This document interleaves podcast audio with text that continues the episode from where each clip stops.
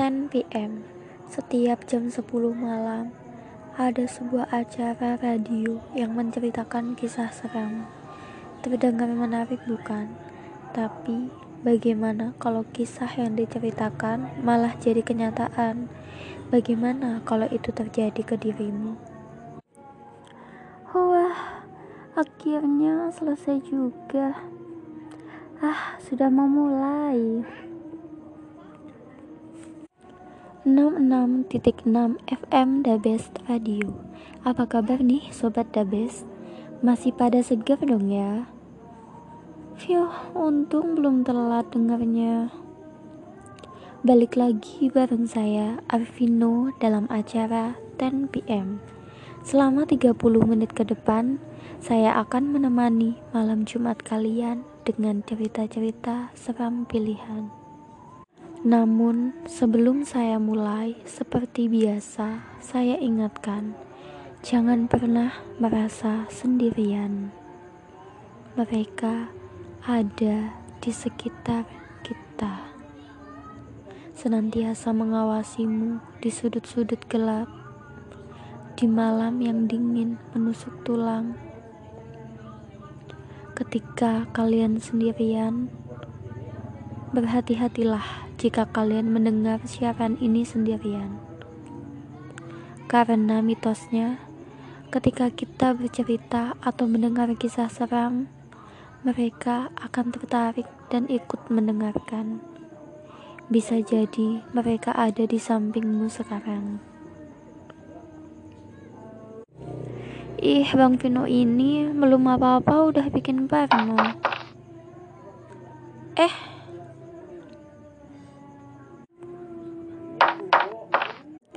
Siapa sih malam-malam gini ketok pintu? Iya, sebentar. Ada up loh. Kok nggak ada siapa-siapa?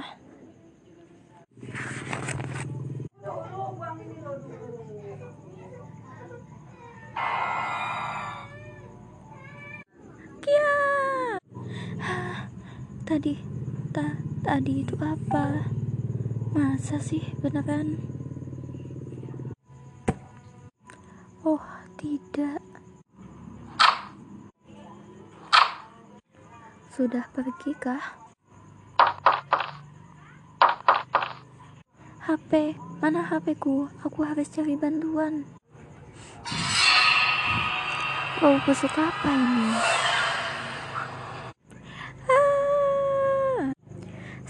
Tune terus ya. Setelah iklan yang satu ini, saya akan kembali dan siap mengantarkan kalian ke dalam dekapan mimpi buruk. Balik lagi bareng saya Arvino di acara 10 PM only on 66.6 FM The Best Radio. Langsung saja saya bacakan cerita pertama untuk malam ini. Cerita kali ini dari Sobat Dabes bernama Fandi dari Jawa Timur.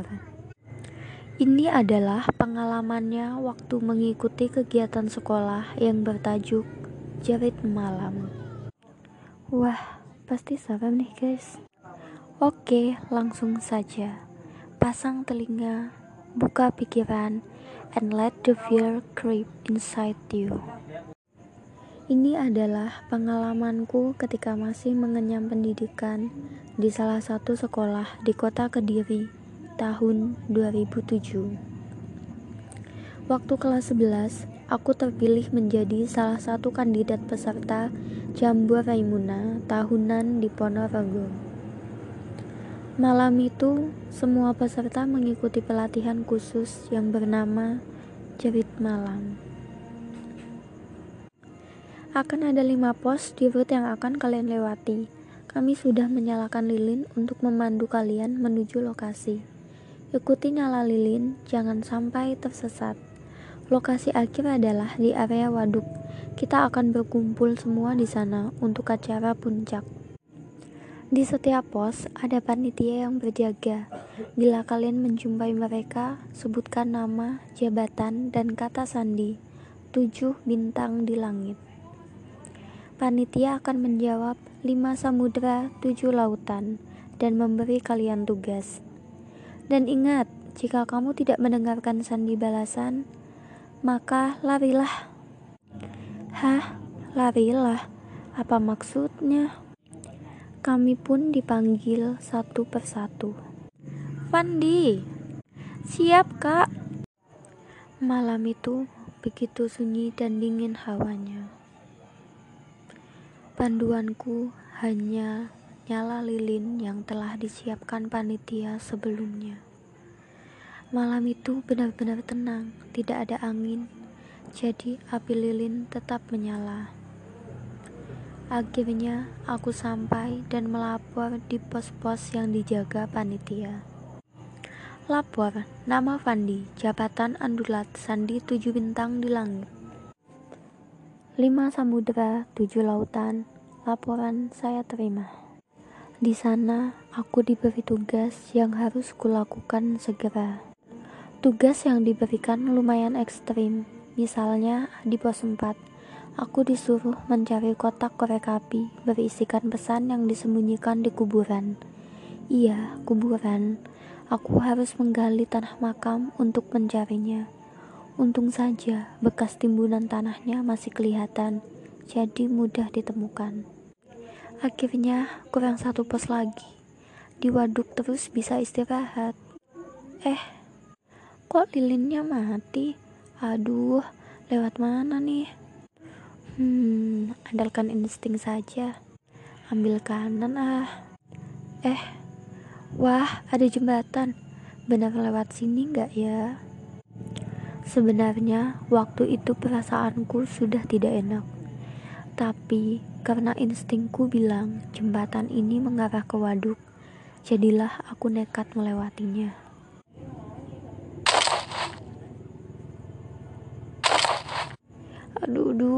Apa itu tadi? Kakiku seperti tersandung sesuatu.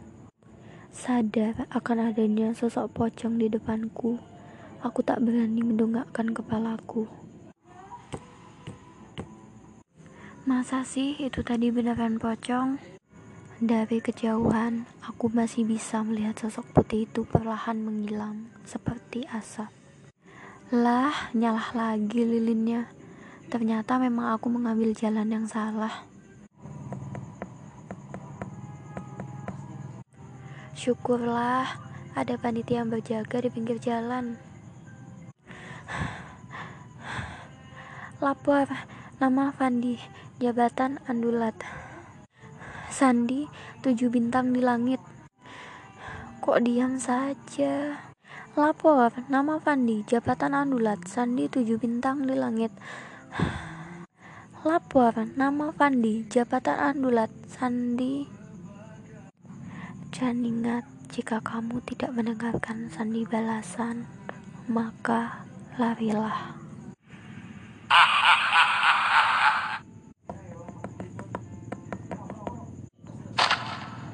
Aduh, duh, duh. Tujuh bintang di langit, tujuh bintang di langit. Lima samudera, tujuh lautan. Kamu tidak apa-apa, Dik. Ternyata aku sudah sampai di pos terakhir dan semua sudah berkumpul di sana. Setelah acara ini, aku jadi paham mengapa ada sandi yang harus diucapkan oleh para peserta kepada orang yang ditemui selama acara berlangsung, yaitu untuk menjamin bahwa yang mereka hadapi benar-benar manusia. Aduh, jam segini masih ada bus nggak ya? Mau ke mana mbak? Mau ke kota mas? Ayo naik mbak, kita bus terakhir yang ke situ untuk malam ini. 66.6 FM The Best Radio bareng Arvino di sini dalam acara 10 PM. Tak terasa sudah 15 menit saya nemenin kalian. Cerita pertama buat malam ini sudah saya bacain. Gimana? Serem kan?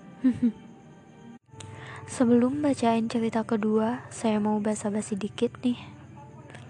Sudah tahu kalau ada mitos yang bilang kalau saat kita dengerin, baca, atau ngobrol soal hantu, mereka suka ikut nimbrung menyimak kita.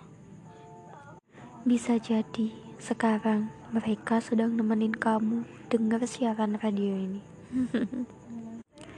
Ada, harusnya aku nggak dengerin 10 PM dulu.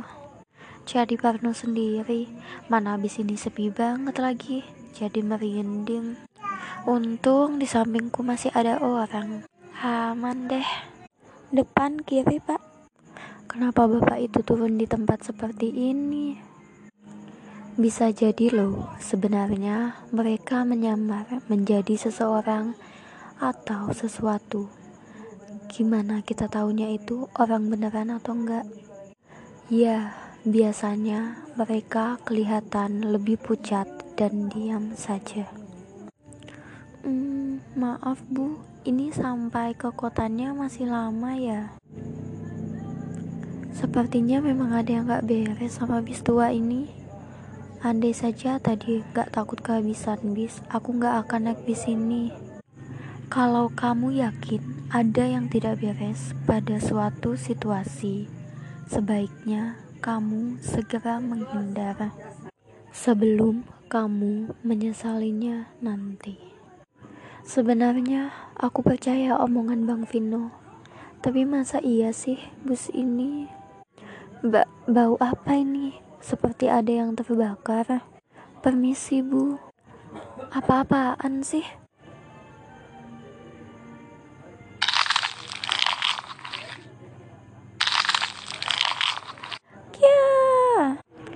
Mau ke mana mbak? Iya.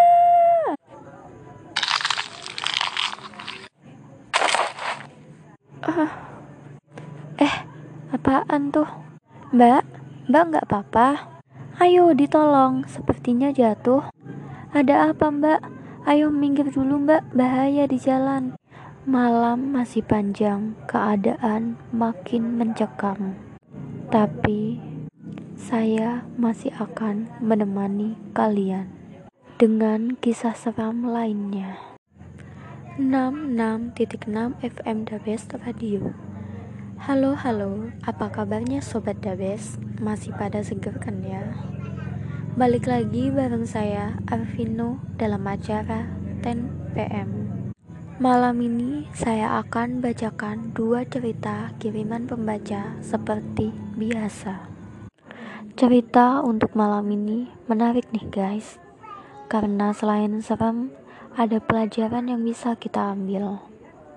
Cerita pertama datang dari Johan. Dia bilang, saking traumanya, dia sampai gak bisa lupa sampai saat ini. Oke, langsung saja, pasang telinga, buka pikiran, and let the fear creep inside you. Minggu sore itu, aku diajak temanku pergi ke kolam renang langganannya. Wih, sepi bro. Iya, asik. Kolam renang ini terlihat sepi dan kurang terawat. Kata temanku, harganya juga murah. Makanya ia sering ke sini. Ayo, pokoknya nanti kita balapan bolak-balik. Siapa yang kalah traktir makan. Hahaha, siapa takut.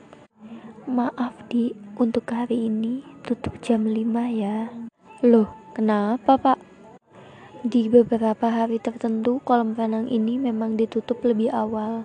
Kukira kalian sudah tahu. Oh, sesaji-sesaji itu ya pak? Iya pak, beres. Ini uangnya pak. Sesaji? Sesaji? Sesaji apaan sih?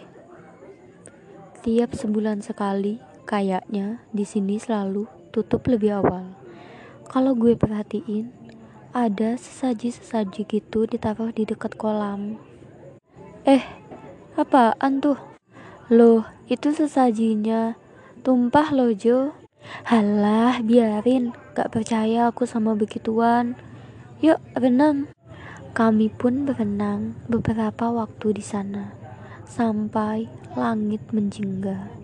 Nak, sudah mau jam 5. Ayo, segera keluar dari kolam. Iya, Pak. Ayo, Jo. Duluan aja, gue mau renang satu putaran lagi. Bentar kok. Oke lah, gue bilas dulu. Loh, itu kan si Rajak. Gak jadi bilas, Zak. Sebaiknya aku juga segera bilas. Di, apaan nih? Sesaji. Kok lengket gini? Sial. Razak di mana ya? Ah, paling beol dia. Zak, lama amat lu beolnya. Zak. Ah, ah, sesaji. Oh. Jo, Jo, lu kenapa? Kamu melihatnya. Saya lihat orang lehernya patah, Pak. Kepalanya ngegantung. Hah? Hah. Dia dulunya meninggal di kolam renang ini. Seorang remaja SMA. Dia meninggal pada tanggal ini tepat jam 5 sore. Waktu itu dia dan teman-temannya bergurau bermain-main di pinggir kolam. Saat terjun ke kolam, lehernya kena pinggiran kolam dan patah. Ia langsung meninggal di tempat. Kolam renang ini sempat ditutup pada waktu itu, tapi selang beberapa waktu dibuka kembali. Namun, hantu anak itu sering terlihat di tanggal kematiannya. Itulah sebabnya kolam ini relatif sepi. Agar dia tenang, saya sering taruh sesaji di dekat tempatnya meninggal.